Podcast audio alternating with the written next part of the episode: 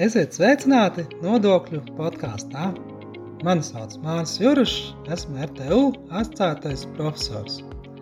Nodokļu podkāstā mēs stāstām dažādas aktuālas un interesantas tēmas par nodokļiem. Bet ne tikai. Mēs stāstām dažādas jaunumus, projektus, viedokļus, runājam ar ekspertiem, runājam par dažādiem pētījumiem nu un citām lietām, arī par mācību procesu nu, un dažādām lietām, kas noder mums ikdienā. Nodokļu podkāsts paredzēts mūsu muitas un nodokļu administrēšanas programmas studentiem, bet arī citiem ja interesantiem. Tas pieejams Spotify un citās populārās straumēšanas vietnēs. PVN ir viens no tādiem būtiskākajiem nodokļiem valstī, jo dod ievērojams budžeta līdzekļus valsts budžetā, un tas svarīgs arī visām Eiropas Savienības dalību valstīm. Tāpēc šos principus bieži vien saskaņo dažādas maksāšanas.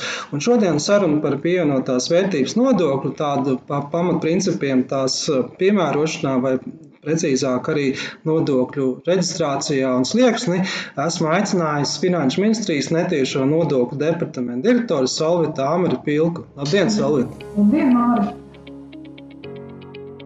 Varbūt sākumā pastāst, kāda, kāda tev šķiet pašai tādi nu, svarīgi notikumi tavā profesionālā darbībā?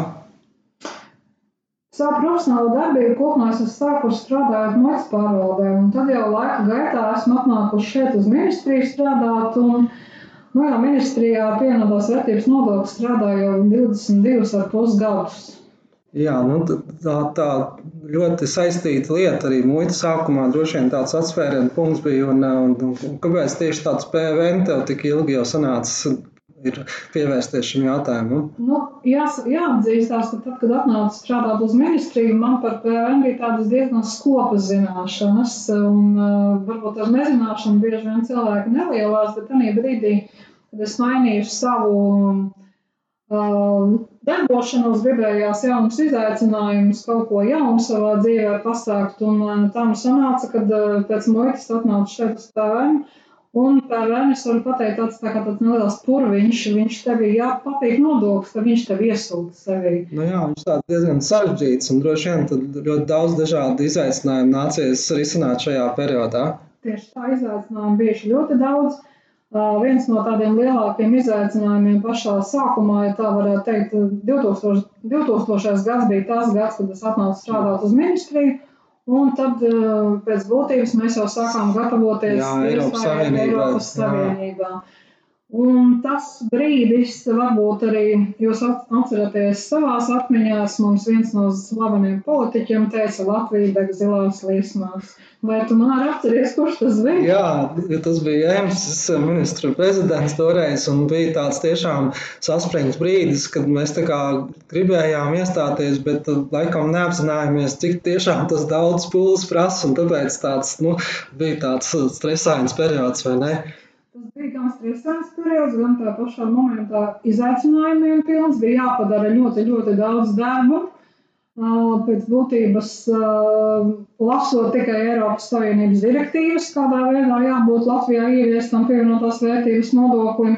Un, diemžēl jāatzīstās, varbūt arī mēs kā valsts kaut kādu momentu piedzīvojām, kā es arī darbā saku, studentu sindromu, kad bieži vien lietas tiek darītas pēdējā brīdī.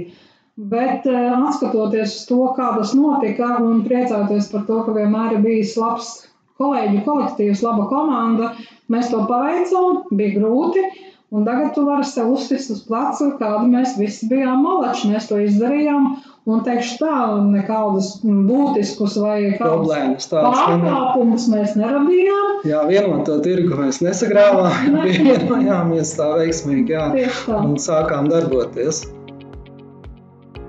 Jā, iestāšanās bija tāds uh, būtisks pavērsiens, um, lai gan mums jau pirms tam darbojās Nacionāla nodokļu sistēma un arī PVN, bet tomēr jā, tā tad ieviešot un iestājoties Eiropas Savienībā būtiski tomēr mainījās tā piemērošana, jā, nebija vairs muitas kontrols, un līdz ar to mums vajadzēja jau faktiski ielikt tādā ejošā vilcienā un ieviest tās normas, ko jau vecās dalībvalsts varbūt tur pētīja un domāja gadiem, bet uh, man šķiet, ka tiešām mēs to veiksmīgi veiksmīgi izdarījām. Tad var teikt, ka šajā laika posmā jau kopš iestāšanās tomēr jau nu, paši jau esam piedalījušies dažādos tādos pasākumos, reformās. Kā, kā tev šķiet, kā šajā periodā pēc iestāšanās bijuši kaut kādi tādi nozīmīgi punkti vai pavērsieni vēl Latvijas PVN sistēmā? Latvijas PVN sistēmā jā, jāatcerās tas, ka PVN sistēma, kā es varbūt minēju iepriekš, Ja nē, tad es tagad akcentēšu. PVN ir harmonizējumais nodoklis Eiropas Savienībā. Līdz ar to Latvijai ir dotas zināmas elastības iespējas, ko mēs varam savā PVN sistēmā paredzēt un ko nevaram paredzēt. Šajā te laika periodā no 2004. gada līdz šim brīdim, 23. gadam, ir uh, iestrādātas nacionālā likumdošanā daudz direktīvu prasības, un tā, tie ir atkal kārtīgi izaicinājumi piedalīties, būt jau pašos pirmsākumos klāt, tad, kad Eiropas komisija nāk klajā ar kādu jaunu iniciatīvu, analizēt, vērtēt, kā šīs iniciatīvas attiecās uz Latvijas regulējumu, tāpēc uh, tajos momentos uh, vai brīžos, kad parādās šie jaunie priekšlikumi, mums jau jāvērtē no dalībvalsts skatu puses, kā konkrētais priekšlikums attieksies uz mūsu sistēmu. Vai Vai tas atbildīs arī mūsu Latvijas kā valsts interesēm, kā konkrēti skatoties, cik lielas elastības iespējas priekšlikums piedāvā vai nepiedāvā kādas elastības iespējas. Un droši vien kā, kādiem arī uzņēmumiem, droši vien Eiropa vairāk domā no tā savas griezuma, jā, mums tomēr tas tirgus ir tāds atšķirīgs un arī kaut kā citi faktori šeit spēlē. Viennozīmīgi. Mums jāskatās, ņemot vērā, ka Latvijā tomēr uzņēmumi pēc Eiropas līmeņa ir mazie un vidējie vai mikro uzņēmumi. Lielie uzņēmumi ir ļoti, ļoti mazi. Es pat teikšu, ka, eh, ja es pareizi atceros pēc statistikas, mums ir 99% mazie un vidēji un mikro uzņēmumi, tikai 1% sanāk lielie uzņēmumi. Tāpēc mums ir diezgan liels atbildības sloks tieši vērtēt, kā tas ietekmēs mūs kā Latviju, jo mums ir iespējas tomēr kādos brīžos arī pateikt veto uh, Eiropas komisijas izstrādātām priekšlikumam, jo jāatcerās, ka pie šī nodokļu sistēmās Tieši PVN un akcijas nodokļu jomā Eiropas Savienībā balsojumam jābūt vienbalsīgam. Jā. Un uh, tiklīdz kaut mazā Latvija, citi saka, nu, Latvija maza, ko mēs varam, mēs varam daudz. Ja mūsu interesē konkrētais priekšlikums neatbilst, mēs tos varam arī nevirzīt. Jāatzīstās, ka um, savā darba pieredzē šādas situācijas nav bijušas, kad Latvijas dēļ kaut kādi jautājumi tiktu nobremzēti pilnībā, vai viņi atcelti, bet uh, atsevišķām dalībām, nevis dalību valstīm, bet prezidējušām valstīm mēs kaut kādos momentos esam pakutinājuši narus un mēģinājuši savas intereses panākt. Arī ekonomikas attīstība, digitalizācija iespaido dažādas jomas, arī paš, pat līdz ar to Eiropas Savienības politika un tāda skaidrojošā piemēri tiek mainīti vai precizēti.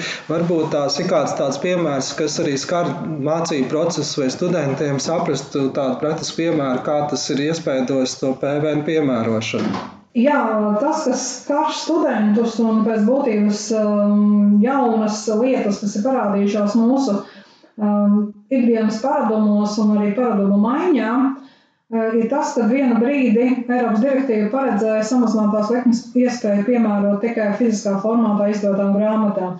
Tās grāmatas, kuras mēs varam lapot uh, papīru sajust mhm. uz rokas, Un tādā veidā šķirstot varēja, varēja piemērot šādām grāmatām tikai samazināto likmi. Attīstoties šiem digitalizācijas procesiem un biznesam mainoties, attīstoties arī citās jomās, mēs nu, jau labu laiku, man liekas, vairāk kā desmit gadus pazīstam tādu lietu kā e-grāmatas. Bet eh, neskatoties to, ka tirgu parādījās e-grāmatas, e-grāmatām nebija iespējams piemērot samazināto pēju. Direktīva vienkārši to neparedzēja. Ne, ne, ne, kādreiz arī ne, nebija tādas grāmatas vispār, tāpēc viss jau nevar paredzēt. Nu, tieši tā, un uh, direktīvas maiņas process un uh, lai taisītu labojumus ir pietiekoši darbietilpīgs un laikietilpīgs, un līdz ar to ejot, uh, nevienmēr direktīva iet līdz laikam. Tomēr Eiropas komisija šim visam noreaģēja un ar laiku paredzēja dalībvalstīm iespēju vienādot nodokļu likmi gan fiziskā formā izdotajā grāmatā, gan arī e-grāmatā. Nu, kas jā, diezgan tā loģiski no, arī no konkurences viedokļa un gal galā mūsdienīgi arī tas tā būtu droši vien. Jā. Tieši tā. Mm. Tāpēc arī um, nu, jau vairāk kā gadu arī mēs Latvijā varam baudīt šos te bonusus, uh, samazināt šo iespēju. Likmē, ne tikai fiziskā formātā izdotajā grāmatā, bet arī elektroniskā versijā. Un vēl ko es gribu piebilst, um, tad, kad mēs viesām iekšā savā regulējumā šo samazināto likmē grāmatām tika arī pārskatīta samazinātās likmes apmērs grāmatām, un grāmatām viņam atbilst tagad ir arī 5%. Jā, nu, droši vien tas arī vēl tāds papildu iespējas, jo direktīvas dažādas normas paredz šīs iespējas izmantot dalību valstīm, pašām dalību valstīm, tad jālēm, vai tas viņām ir izdevīgi un piemērojams. Jā. Jā, nu, mēs redzam, ka gan, gan dažādas pārmaiņas ekonomikā, gan arī Eiropas Savienības šīs dažādas izmaiņas notiek, un mēs arī līdz ar to varam mainīt savu nacionālo likumdošanu. Kas varbūt ir šobrīd tādi aktuāli jautājumi, ko tad mēs risinām pievienotās vērtības nodokļu jomā? Jā, kā jau arī pats pieminēja, kad ir svarīgi digitalizācijas process un digitalizācija, no tās mēs neizbēgsim. Šobrīd Eiropas komisija nākus klajā ar ļoti apjomīgu PVN paketi VAT un Digital Age. Mēs uh -huh. um, kā eksperti pētām un vērtējam un analizējam, kā šajā digitālajā uh, laikmetā būtu maināms un nebūtu maināms. Tad akcentu Eiropas komisija ir uzlikusi tiešām, lai izmantotu mūsu, mūsu uh, sistēmās arī šos digitālos rīkus. Proti, nu jau aiziet no papīra rēķiniem un uh, izmantot e-rēķinus un atvieglot nodokļu maksātājiem zinām administratīvo slogu, lai nebūtu jāsastāv, jāgatavo pārskati, kas ir individuāli sagatavojami, bet informācija no e-rēķiniem tiktu ielasīta konkrētās pārskatu formās, un tad jau automātiski ar informāciju apmainītos Tas tāds viens uh, liels uh, fails, kas ir uzlikts šajā brīdī visām dalībvalstīm. Tas bija vairāk tas tā kā uz tādu PVN uh, piemērošanu, saistību izpildi, dažādu šo te prasību nodrošināšanai, kā tieši uz nu, kā nodokļu uzskaitē, deklarēšanā un samaksāšanā. Tā, tā tas vairāk domāts. Šis ir vairāk domāts dēļ tam, ka ņemam neskatoties to, ka PVN ir harmonizējumais nodoklis. Bet, kurā gadījumā joprojām pastāv 27 vai pat 28 nu, PVN sistēmas dalība valstīm. Protams, un arī ieņēmumi paliek katrai dalību valstīm. Protams, līdz ar to katra dalība valsts kaut kā arī grib ietekmēt to procesu, un arī nacionālās administrēšanas joprojām ir atšķirīgas. Tas noteikti rada tādu arī daudziem uzņēmumiem, kas darbojas varbūt dažādās Eiropas Savienības valstīs, arī kaut kādu nu, atšķirīgu pieeju un saistību izpildē. Tad, protams, ka šeit vairāk domās par kaut kādiem moderniem risinājumiem kas varētu to visu atvieglot?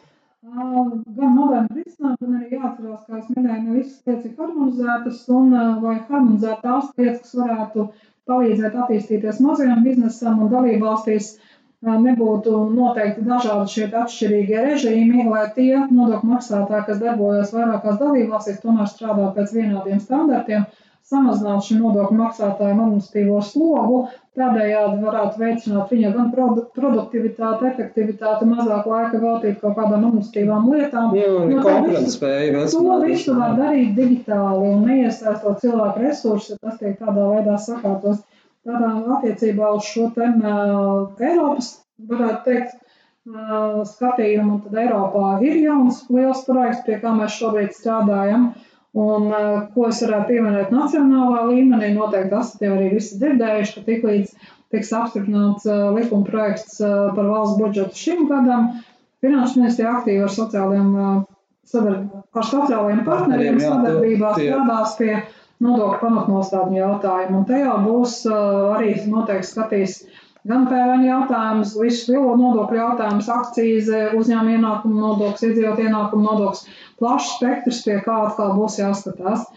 Viens no jautājumiem, ko mēs PVN esam arī apzinājuši, un eh, tas ir arī eh, visticamākais, jāsaka paldies eh, nevalstiskajam sektoram, kas ir aktīvs arī šajās gan sarunās, gan visādu jautājumu, sasāpējušu jautājumu skatīšanā, ir pārskatīt PVN reģistrācijas slieksni, kas ir noteikts šobrīd PVN likumā 40 tūkstoši eiro, bet iepriekš Mums bija 50 tūkstoši eiro, kas tika mainīts 2018. gadā ar iepriekšējām pamatnostādēm. Jā, reģistrācijas slieksnis ir tāds eh, svarīgs, eh, nu, tāda robeža šķirkne, var teikt, jā, kad, eh, ar kuru uzņēmumiem tiešām ir jākļūst ir obligāti jau par PVN maksātājiem. Un līdz ar to visa šī pati sarežģītā sistēma uz viņiem attiecas. Varbūt varam smalkāk parunāt par šo PVN reģistrāciju un to slieksni, kāpēc tad ir tā, kāda ir tā jēga un, un kas ir tā, ko tas dod. Jā, šis pērn reģistrācijas slieksnis ir svarīgs viena visnotaļ vienkāršu apstākļu dēļ. Direktīva, ko es jau iepriekš pieminēju, nosaka, ka tiklīdz tu sāc veikt saimniecisko darbību, tev ir jākļūst par PVN maksātāju. Šī pati norma mums ir arī iekļauta PVN likumā. Bet ir ļoti mazi nodokļu maksātāji, kas strādā pamatā tikai uz gala patērētājiem, un viņiem nav izdevīgi kļūt par PVN maksātāju. Nu, vai arī, protams, viņam rada tas uzreiz tādu slogu, administratīvo slogu, visas tās uzskaitas un, un darbības veikt un, un maksāšanu. Droši vien arī tas ir tāds, kas arī viņiem nu, rada bažas, ka šī nu, sistēma. Tieši tā, jo, ja tu esi PVN maksātājs, pirmkārt jāatcerās grāmatvedību, jākārto divkāršajā ierakstā. Tur nevar būt vienkārši kases ieņēmuma izdevuma žurnāls, kur tu uzskaiti, ko ieņēmi, ko izdevi Bet šeit ir divkāršais ieraksts. Nu, protams, arī pats, pats naudas jā, jāsāk maksāt un jāiekļau reiķinos un jā, visu, kas jā, ar to saistīts. Reiķinis sarežģītāk ir jāizraksta, un tas nav vienkārši process. Tāpēc gan direktīva paredzēja dalību valstīm iespēju noteikt šo PVN reģistrācijas slieksni maziem uzņēmumiem, Tad tev atbrīvo no šiem Faktiski, jā, tas tāds atvieglojums sanāk maziem uzņēmumiem, tā kā tāds izņēmums, kad, lai viņiem, nezinu, uzsākt darbību, piemēram, tad vēl var visu kārtīgi izdomāt un sagatavoties. Un tas, kas vēl arī jāpatur prātā, ka nevienmēr biznesa idejas mums ir galvā, un nevienmēr biznesa arī aiziet. Un, ja tas maziņš uzņēmums, piemēram, vienas personas kādas saimnieciskās darbības formas veicējs, nu, tu vēl nesaproti, vai biznesa būs pieprasīts vai vēl kaut kas, nav liederīgi uzreiz kļūt par PVN maksātāju, ja tu zinās, pieņemsim, ka tu taisīsi apā remontu darbnīcu un labos tikai cilvēkiem apavus. Nu, tur tev nevajag arī darbinieks pieņemt mazu darbnīcu, sākt strādāt viens, un tāpēc, kā arī tu minēji, administratīvā sloga mazināšanu, saprast, vai biznesa arī rulē vai nerulē. Nu jā, tāpēc šādiem mikro, faktiski tādiem sīk, sīk uzņēmumiem, jā, mēs varam teikt, latviski ir, ir pieņems arī Latvijā, jā, var, var pie, šī pielaida, ka praktiski viņiem nu, var, var zinām laika periodu saglabāt šo izņēmumu un vēl nereģistrēties. Jā, tā. Tieši tā, tieši nu, un, un, un tā tad jau, jau tomēr augot tam uzņēmumam, palienoties apgrozījumu, tomēr tad jau ir jāsāk domāt par, jau par PVN, mm. iestāšanos PVN klubiņā, jau var tā teikt, un reģistrēt reģistrācija. Kāds ir tas, tāds, tas apjoms un kāpēc ir izvēlēts Latvijā šās, šis reģistrācijas slieksnis? Uh, ir veikti aprēķini, uh, kuros gadījumos skatoties, kā nodokļu maksātājiem, tad jāņem vērā ne tikai nodokļu maksātāju apgrozījumi, bet arī jāskatās, ka citi nodokļu maksātāji šo PVN sistēmu izmanto krāpnieciskos nolūkos. Tāpēc ir uh, jāvērtē, kur tas balans ir, kad patiešām veidojās budžetā maksājumais. Un kad ļaunprātīgi neizmanto priekšnodokļus. Jā, faktiski tas domāts tiešām tad, ja uzņēmumam jau ir šī pievienotā vērtība, jo pats nodoklis ir pievienotās vērtības nodoklis. Tad, ja uzņēmums tiešām jau paplašina šo darbību un viņa pievienotā vērtība aug, tad faktiski viņam jau jākļūst par tādu nodokļu maksātāju. Sanāk tāda tā galvenā ideja. Tā galvenā ideja arī tāda, lai pēc būtības, kā es saku, nepumpētu priekšnodokļu nu, jā, budžeta un jā. maz iemaksātu budžetā. Nu, protams, jā, tas, ot, tieši tā, otrs tas gadījums sanāk tā, ka, ne, kad PVN maksātājs nu, nenozīmē, jā, ka uzreiz tev arī kaut kādas eh, šīs priekšrocības jāatskaitīt priekšnodoklī to nodokli, jā, ko mēs, sam, ko, kas ietverts cenās, ko mēs pērkam. Jūs pieļauj arī sīkražotāji, mazie ražotāji šā vai tā savā darbībā pērk kaut kādas preces vai saņem pakalpojumus, un patiski jau viņi ir iesaistīti šajā sistēmā, tikai, nu, kamēr viņi nav reģistrēti, viņi nevar atskaitīt priekšnodokli. Sanāk tā, ne? Jā. Priekšnodokļu tiesības rodās tikai ar konkrētās personas reģistrācijas brīdi PVN maksātāja reģistrācija. Jā, un tāpēc būtības atkal ir tāda priekšrocība. Sanāk tā, ka mums izmaksās ir jāietver viss ar nodokli, taču arī gadījumā mēs jau kļūstot par PVN maksātājiem gūstam šo, šos te iespējas atskaitīt PVN, jo PVN mm. ir neitrālam jābūt, mums jāspēj viņu pārcelt, jā, un tad iestājoties šajā sistēmā, reģistrējoties, jā, tad mēs kļūstam par tādiem pilnvērtīgiem dalībniekiem un šīs te normas jau sākam piemērot jau kā citi PVN PVN maksātāji. Jo mums jau nav ierobežojumi maziem vidējiem um, uzņēmumiem uz kaut kādiem atkal priekšnodokļu atskaitījumiem. Visi, ja tas nav noteikts likumā, tad, ja tas likumā noteikts, tad tas darbojas vienādi visiem, gan maziem, gan lieliem. Ne? Atgriežoties pie iepriekšējām nodokļu reformām, kas notika 2018. gadā, tad bija spēkā reģistrācijas slieksnis 50 tūkstoši eiro. Mēs pārvērtējām šo visu sistēmu, reģistrācijas skaitļus un kādu pienesumu tas dod un nedod budžetam.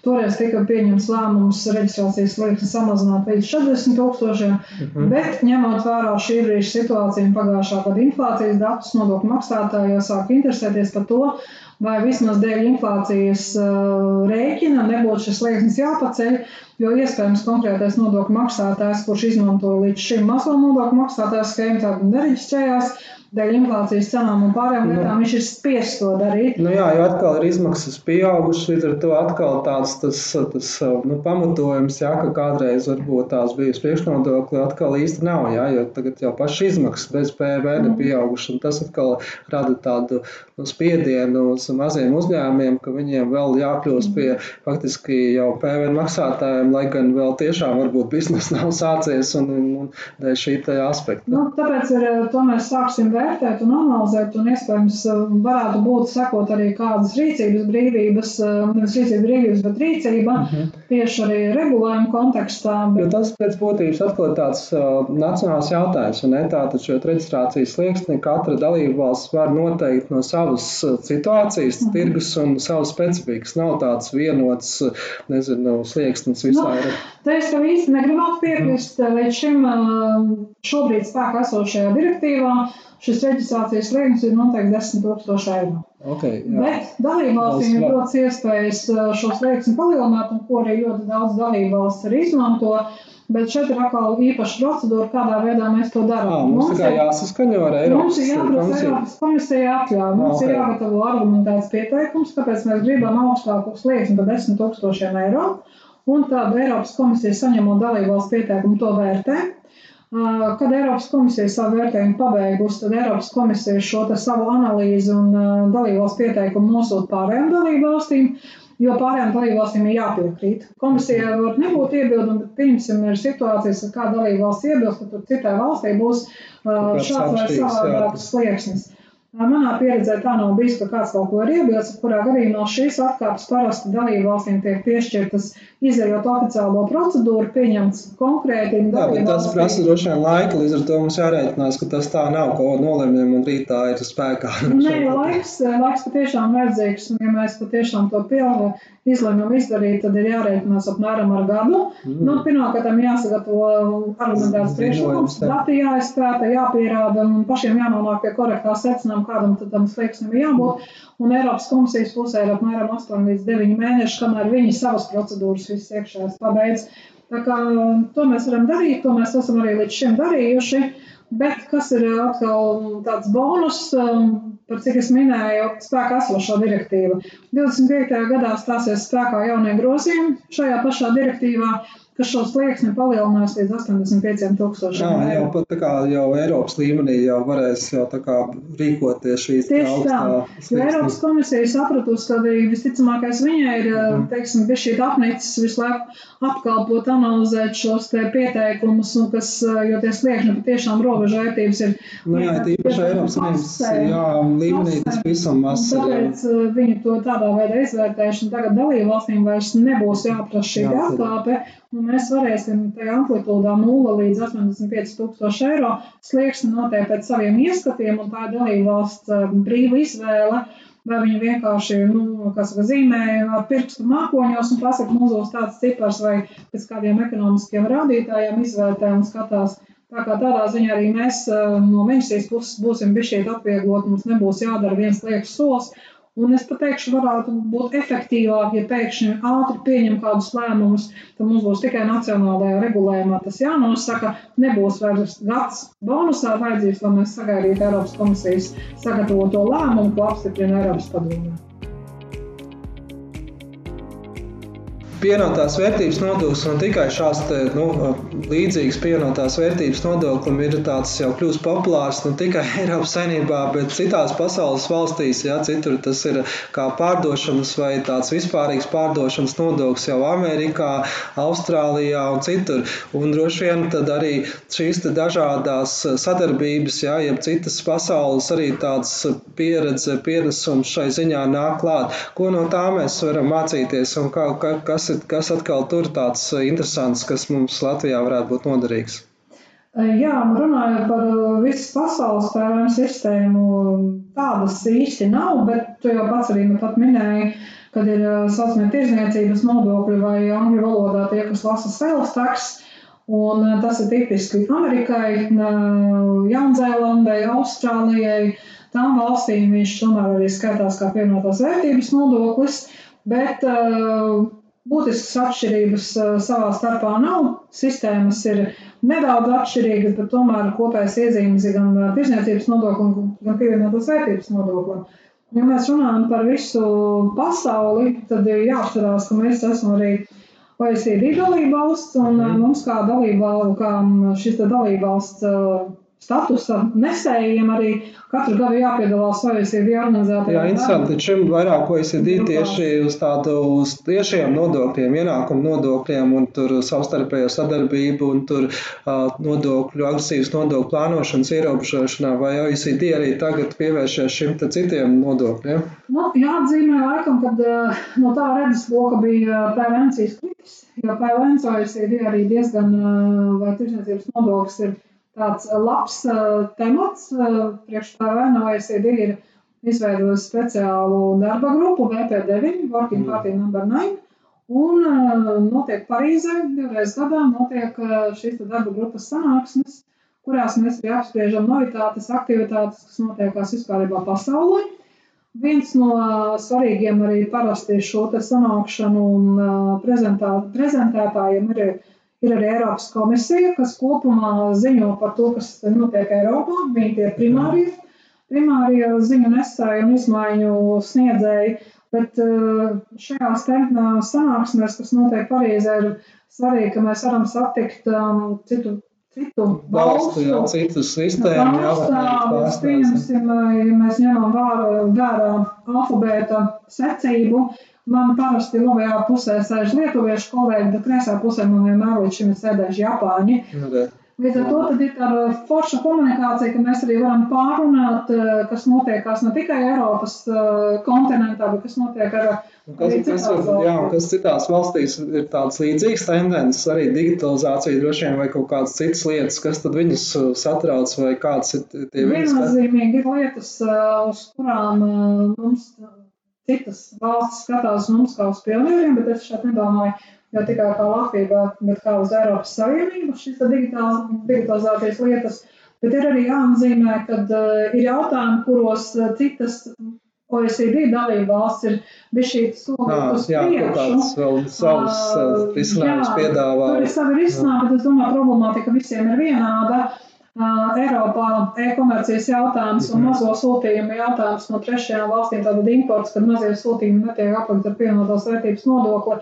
Bija šī vēlāk tika atrisināta, ja nemaldos, tur gads pagāja, bet Gan Austrālija, gan Jaunzēlanda stāstīja par saviem pozitīviem piemēriem, tieši kā šī te šo mazo sūtījumu atlikt, kā iekasēt, un tas patiešām tajās sanāksmēs konferencēs klausies tādu atvērtu muti, ja tā var teikt, un jo sākotnēji plānotie budžeta ieņēmumi, ko bija plānojuši viena un otra dalība valsts, bija pieticīgi, bet rezultātā, ja nemaldos, par desmitkārtīgi šis pienesums budžetiem tika arī reāli iekasēts. Tas nozīmē, ka mēs visā pasaulē esam uz vietas. Faktiski mēs no pasaules mācījāmies šajā sistēmā, vai ne? Arī nu, mēs skatījāmies, kā to dara citi, kas ir varbūt vienkāršāk Jaunzēlandē, kas ir vienkāršāk varbūt arī Austrālijai.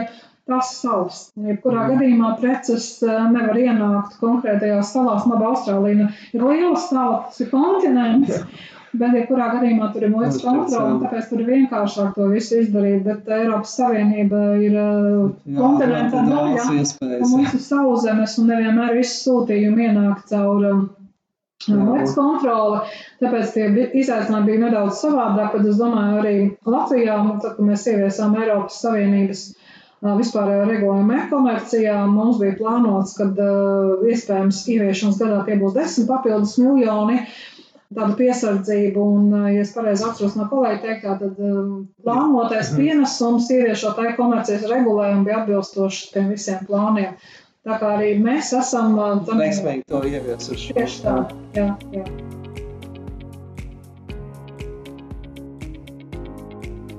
Nodokļu podkāstu epizodē mēs eh, sarunājamies par PVN, par dažādām aktuālām lietām. PVN tāds svarīgs nodoklis Latvijai arī visā Eiropas Savienības eh, līmenī. Eiropas Savienības līmenī to harmonizē, taču paliek daudz dažādas tādas lietas, ko regulējam nacionālā līmenī. Nu, piemēram, mums bija arī tāds pārejas laiks no iestāšanās Eiropas Savienībā līdz tagad, kad mēs daudz dažādas lietas precizējām. Tā skaitā par, piemēram, mainījām pievienotās vērtības nodokļu piemērošanu e-grāmatām, kas kādreiz nebija paredzēts pat Eiropas Savienības līmenī.